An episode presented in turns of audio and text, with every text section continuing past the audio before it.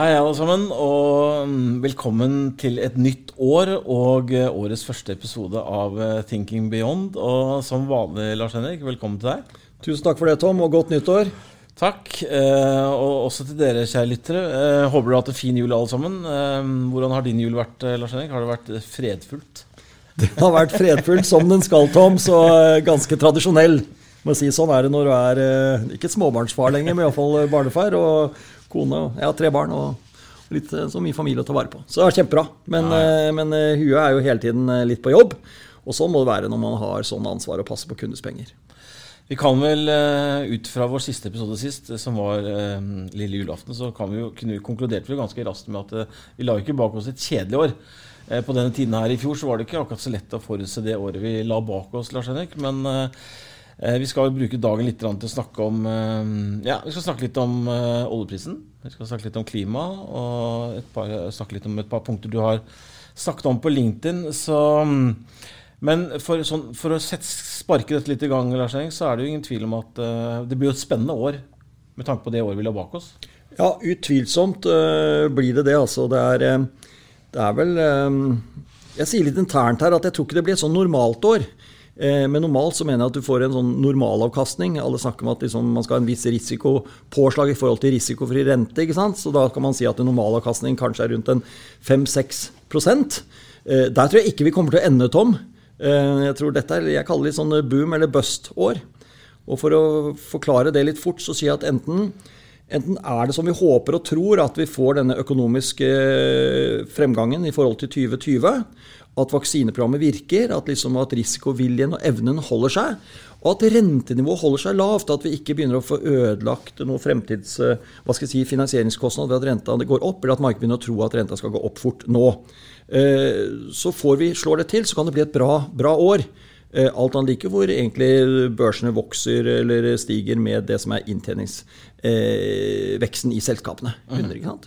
Eh, omvendt så kan det være at hvis dette glipper, da, at vaksineprogrammet ikke virker eh, som man tror, eller like raskt, at den økonomiske fremtidstroen ikke er like bra, og, kanskje, og, eller at det blir en eh, frykt for at inflasjonen kommer i en recovery, og at renta vil komme raskere opp, så kan det også skape litt sånn sjokk i markedet og gjøre at, vi, at det faller tilbake etter en kjempeoppgang i fjor. Mm. Så her er liksom, det er to måter å se det på. Det er veldig vanskelig, og det skal være Eh, det skal være bevisst at det kan gå litt begge veier her. Vårt, vårt underliggende, vårt, vårt, vårt, hovedcase er at, dette skal, eh, at det ser ok ut. Men vi er veldig bevisst på liksom begge, begge, sider av, eh, av, av, ligningen her. Så hva er det man gjør når, man, når, det er usikkerhet? Da Det er jo det at da skal man ikke gå spisset og smalt. Du skal ikke gå for enkeltaksjer eller enkeltsektorer. Det er da vi sier da skal være sånn bredt diversifisert når du ikke vet svaret. Og det, det, sammenfaller veldig med hvordan vi tenker, og hvordan vi hadde suksess med i fjor, altså i 2020. Og det fortsetter vi med nå i, i år. Så altså bredt diversifiserte, sammensatte porteføljer. Eh, det er det jeg tror på når, når usikkerheten råder, og det gjør den. Mm. Det var en liten, liten diskresjon her på sidelinjen Lars Henrik, var at du snakket om dette med normalår og normalavkasting. Ja. For de ordene kan Veldig sjelden du har det. Men det er sånn... snart kastet ut av vinduet. Og jeg, jeg, jeg måtte dra på smilebåndet litt da jeg hørte på Arne Fredli var med på sånn uh, i Hegnar studio. Jeg vet ikke om du hørte på det. Men det var som han sa at um, ingen vil jo ha Pareto Bank og, og disse aksjene som gir 10 eller Hunter, da, som gir 10 mm. utbytte i Pareto Bank. for at alle vil jo doble penger over natta. Det er en sånn risikovillighet. Ja, det er veldig, det er dessverre nå etter, nå etter, ja, etter, etter 11 års oppgang i finanskrisen så er det blitt litt sånn at vi må tenke på at liksom, nå er inflasjonen er ekstremt lav, renta er nesten er null. Mm. Og uh, allikevel så er ikke folk fornøyd med å få 6-8-10 avkastning. Det er, det er veldig, veldig, rart. Det er blitt en sånn grådighet der ute at det er bare, det er bare 50 eller doblinger som gjelder.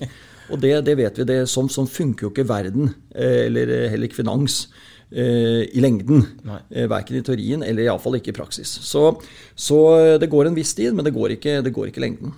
Vi kan kanskje reflektere over at når, når det har gått 11 år siden finanskrisen, 11-12 år, så hvis du tenker at folk har et normalt arbeidsliv, da, kanskje som varer i 35 år, eller et eller annet sånt, etter hvert en unge generasjon kanskje 40 år, Eh, eller mer, så begynner en del å ha at eh, det er liksom en tredel av et arbeidsliv som er gått nå siden vi hadde siste ordentlige krise. Mm. Og Det betyr kanskje på en annen måte at det er kanskje en tredel av arbeidsstokken mellom en fjerdedel og en tredel som, har, som bare har kommet inn i arbeid etter finanskrisen. Og opplevd egentlig et veldig lavrenteregime. Altså at renta, penger koster ingenting. Renter er lavt og blir lavere hele tiden. Og eiendomspriser går opp hele tiden. Og aksjemarkedet går jevnt bare kraftig opp. Igjen. Mm. Så det er liksom å tenke over at det begynner å bli en større og større gruppe av de som skal ta beslutninger nå. da som egentlig ikke har opplevd ordentlig krise, som vi hadde sist gang da i, i høsten 2008. Mm. Nei, eh, det, men reft tilbake til det jeg sa om det, med, som Arne Fredelig tok oss på punktet, var jo det at, at um, den, det er kanskje en av de risikofaktorene jeg ser. da, At den grådigheten ofte kan bli for stor. Ja, og den er litt farlig. Du får den veldig på, veldig på, veldig på toppene. altså. Ja. Og det, er, det leder inn på neste. Det, det vet skal komme inn på dette med mind the gap og sånne ting. Altså, mm. Altså, men det, går jo, det er, det, er, veldig mange nå som har kommet litt sent til festen, og så har de eh, overallokert midler nå inn i risikoaktiva, sånn som aksjer. Mm. Nå ligger veldig mye, og jeg skal ikke si at det er gærent nå, men en dag så går det over kanten, og da ligger man ved veldig mye av sin av sin allokering eh, mot aksjer. Og eh, det blir brutalt når dette går over kanten. ikke sant? Så mm. for å lykkes i aksjemarkedet, at dere skal få det som er den markedsavkastningen, så må det ligge pengevektet riktig også når det er billig. Mm. I krisene. ikke sant? Mm. Sånn som mars i fjor. Da måtte du inn med penger og fylle på når det var som verst. Men da var jo mange forståsegpåere og medier ute og sa at nå er det helt jævlig, og nå skal det være dårlig forferdelig lenge. Og analytikere og mange. Det er lett å tro det. Men det er da du må tvinge deg selv til å gå inn med penger. Hvis ikke så får, kommer du ikke liksom ut av startblokkene i april og mai og juni når markedet går opp igjen, på en ordentlig måte med riktig vekting av pengene. Du har rett og slett for mye når du går over kanten nedover, og for lite når du er ute av startblokkene, ut fra bunnene. Det skal vi komme litt tilbake til. Ja. Vi, eh, et litt tilbakevendende tema er jo dette med oljeprisen.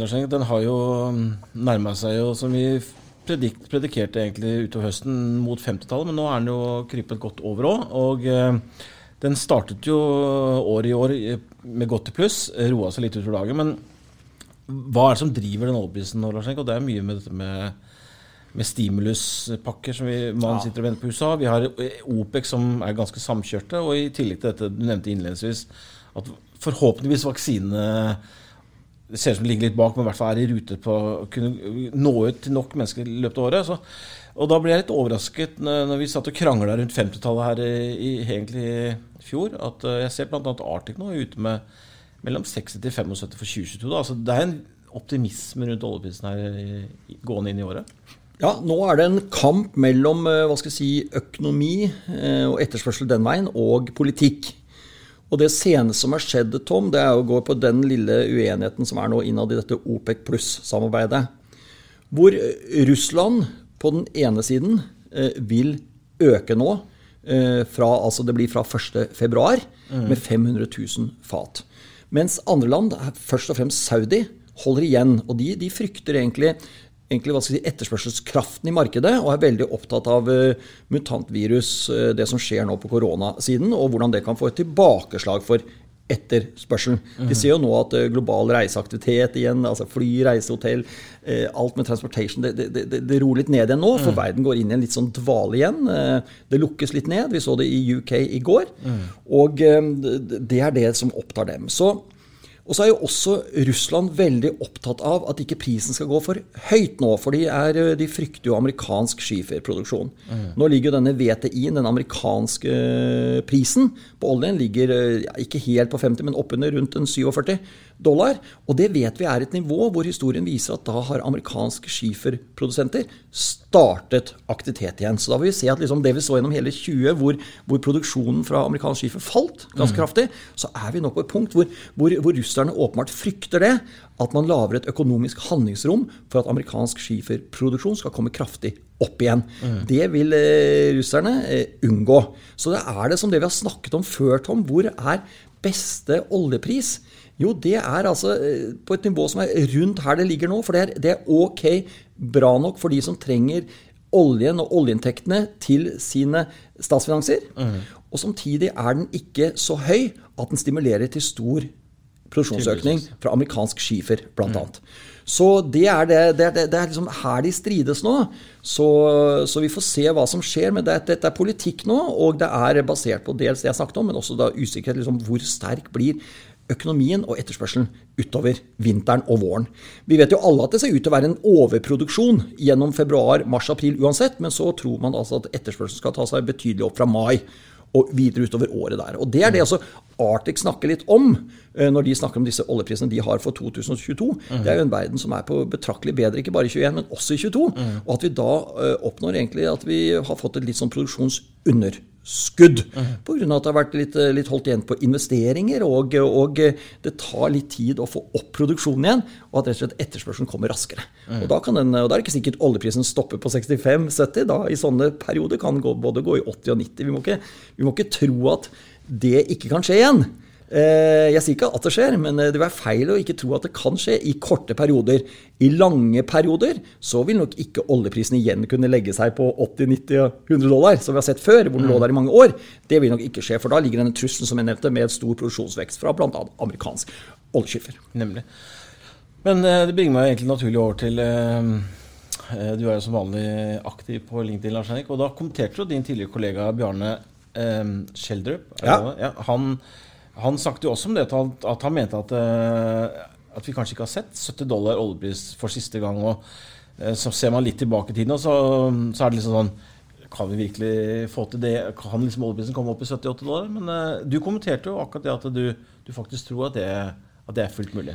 Ja, jeg er enig i min uh, Bjarne Schjelderup er jo, jobber i SEB og er en gammel, god kollega av meg. Det er noen folk som du syns bare er flinke og spennende å snakke med, og Bjarne er blant dem. Mm. Så når han skriver eller snakker, så lytter jeg. Og uh, her er jeg veldig enig med han. at Det er, det er litt med referanse til det jeg sa tidligere, at eh, det, det blir feil å tro at ikke oljeprisen kan, under visse gitte situasjoner, gå betydelig opp igjen, mm. så er det ikke sikkert at jeg tror den blir der. Men akkurat sånn er det også når oljeprisen er på 30 dollar, som var i mars, mm. så er det mange som liksom sier at nei, den skal ikke opp igjen. Ikke og sånn er det. Og det, jeg prøver å løsrive meg litt fra det tankesettet mm. der. Mm. Og sier hvis søren kan den gå kraftig opp igjen, selv om ikke jeg tror den skal ligge veldig høyt over lang, lang tid. Mm. Eh, for det, det, tåler rett og slett ikke markedet, for da kommer det for mye olje ut, bl.a. fra USA. ikke sant?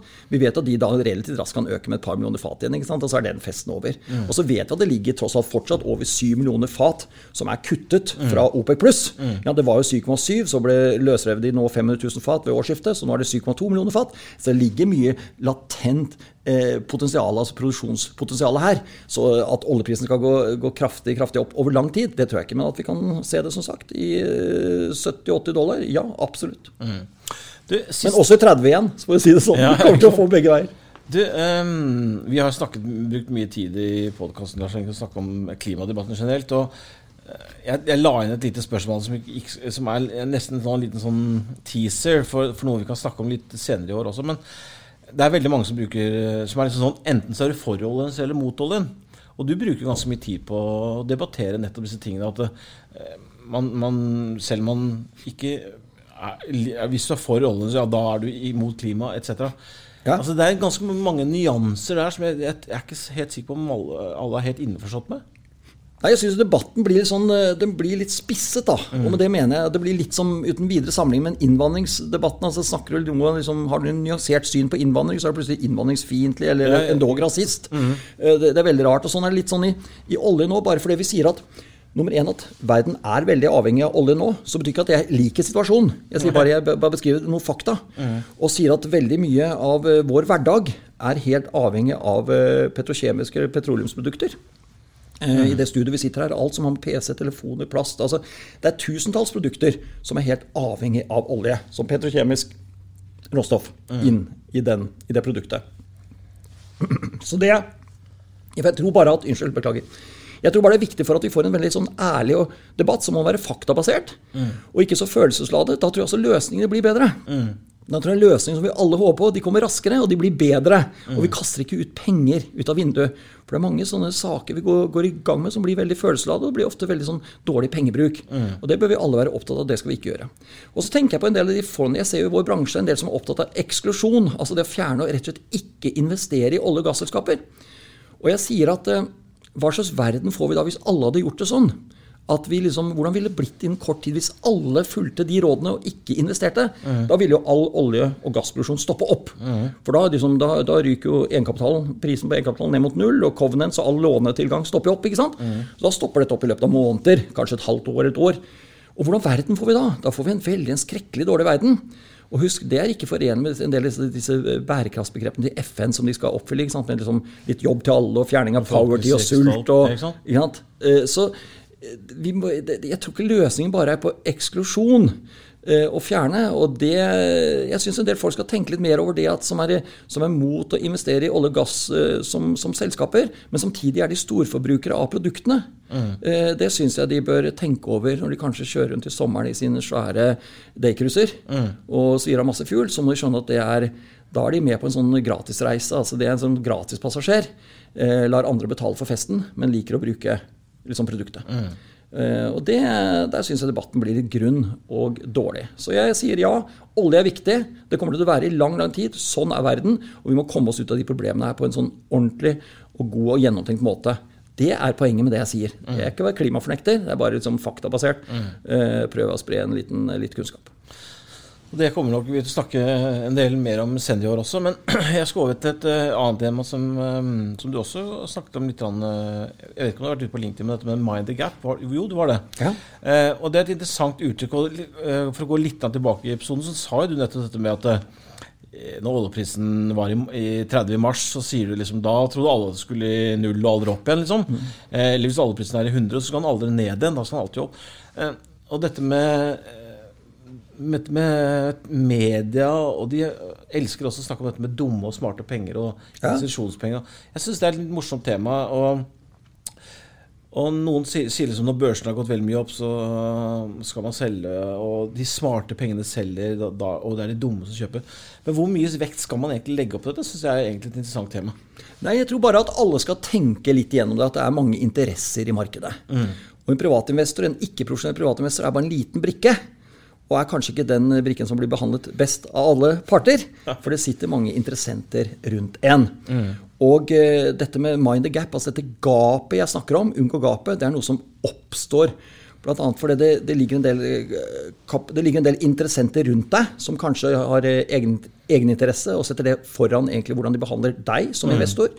Det er jo dette her med spreddkostnader ved transaksjoner, det er direkte kurtasjekostnader. Men det er også dette her med, med at man blander inn følelser i forhold til en, egentlig en fastsatt strategi.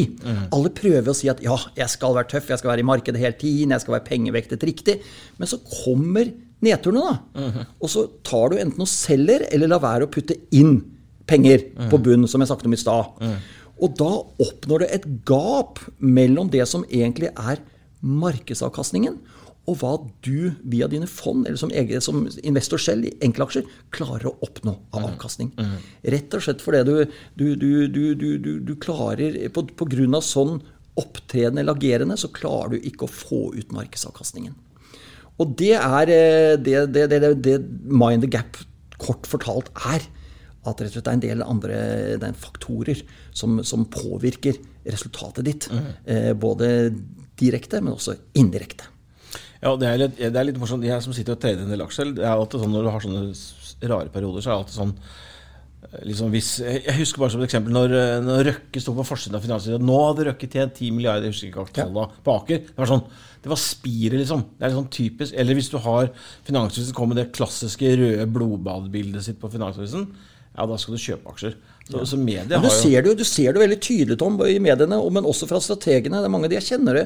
All respekt for dem. Jeg vet ikke om, det er deres, de, eh, om de mener virkelig at vi skal selge aksjer i mars, sånn virkelig, eller om de bare gjør det for å få aktivitet. Jeg vet ikke, Nei. men det er noe som skjer iallfall. For det, det, det, det er veldig ofte at, eh, at eh, man anbefales å selge ut av risikoaktiva når ting har falt. Og, eh, men historie etterpå, etter, et, sett, sett i retro, retrospekt da, så, så, så viser det at man skulle ha kjøpt. Det er ikke lett å gjøre det, men for å få den markedsavkastningen som jeg snakker om, og ikke få dette gapet, så må du agere sånn, og litt sånn motsyklisk, eller gå mot det som du egentlig blir rådet til. Da. Og det er det som er vanskelig. Dette prøver vi, Tom. Dette er det vi gjør ved å holde oss til strategien som kundene setter, og som vi selv setter. Så vi puttet jo inn penger i de fondene som hadde falt mest i mars. De fikk allokert midler inn. Så vi gjør jo dette her. Og derfor fikk vi også et bra år. Vi kom ut av startblokkene kraftig allerede fra april, når markedet snudde oppover og har vært med hele veien. Så, det er, eh, så vi, har, vi har klart det. Så vi har klart å ta ut markedsavkastningen i år. Nemlig. Du, um, tiden flyr fra oss her, Lars Erik, så mm, vi har litt, noen punkter på dette med metangass som vi også har notert oss. Men jeg, jeg lurer på om vi skal ta det neste gang. Ja, Det er så spennende og så, så stort, så det kan vi snakke mer om. altså, For dette kommer til å bli mer fokus på i, i år. Kort fortalt så er det at vi alle snakker om CO2, altså karbondioksid. Jeg mener bare det er på en måte en litt sånn startrakett for problemet. For Mm. hvis CO2, eh, hva skal vi si, oppsamlingen i atmosfæren, hvis det først får temperaturen til å gå øke med et visst nivå, Mm. så setter det i gang noe Du kommer til en sånn tipping point. da. Mm. Du, og da setter du i gang noen krefter hvor du også begynner å løse opp de voldsomme metanressursene som ligger rundt omkring. Enten i permafrost eller som, som frozen gas, altså metanhydrater på havbunnen og slike ting. Og da begynner det virkelig å gå gærent. Metan, Kraften i metan som klimagass er mye verre enn CO2. Fordelen er at den eh, forsvinner raskere fra atmosfæren, men, eh, men eh, kraften når det skjer, er mye større. Så dette kan vi snakke om. Det skal vi gjøre. Og um, det har jo gått helt til um, Helt, helt til Obama og, og Trump, faktisk. Det skal dere få vite litt mer om neste gang. Der, det snakkes jo om dette med metangass. Hvor Obama innførte en del strenge restriksjoner, mens Trump nå prøvde å fjerne. Så dette skal vi komme tilbake til. Ja. Men da sier vi bare at vi ses eller høres neste uke. Høres om en uke. Veldig bra. Ha det bra.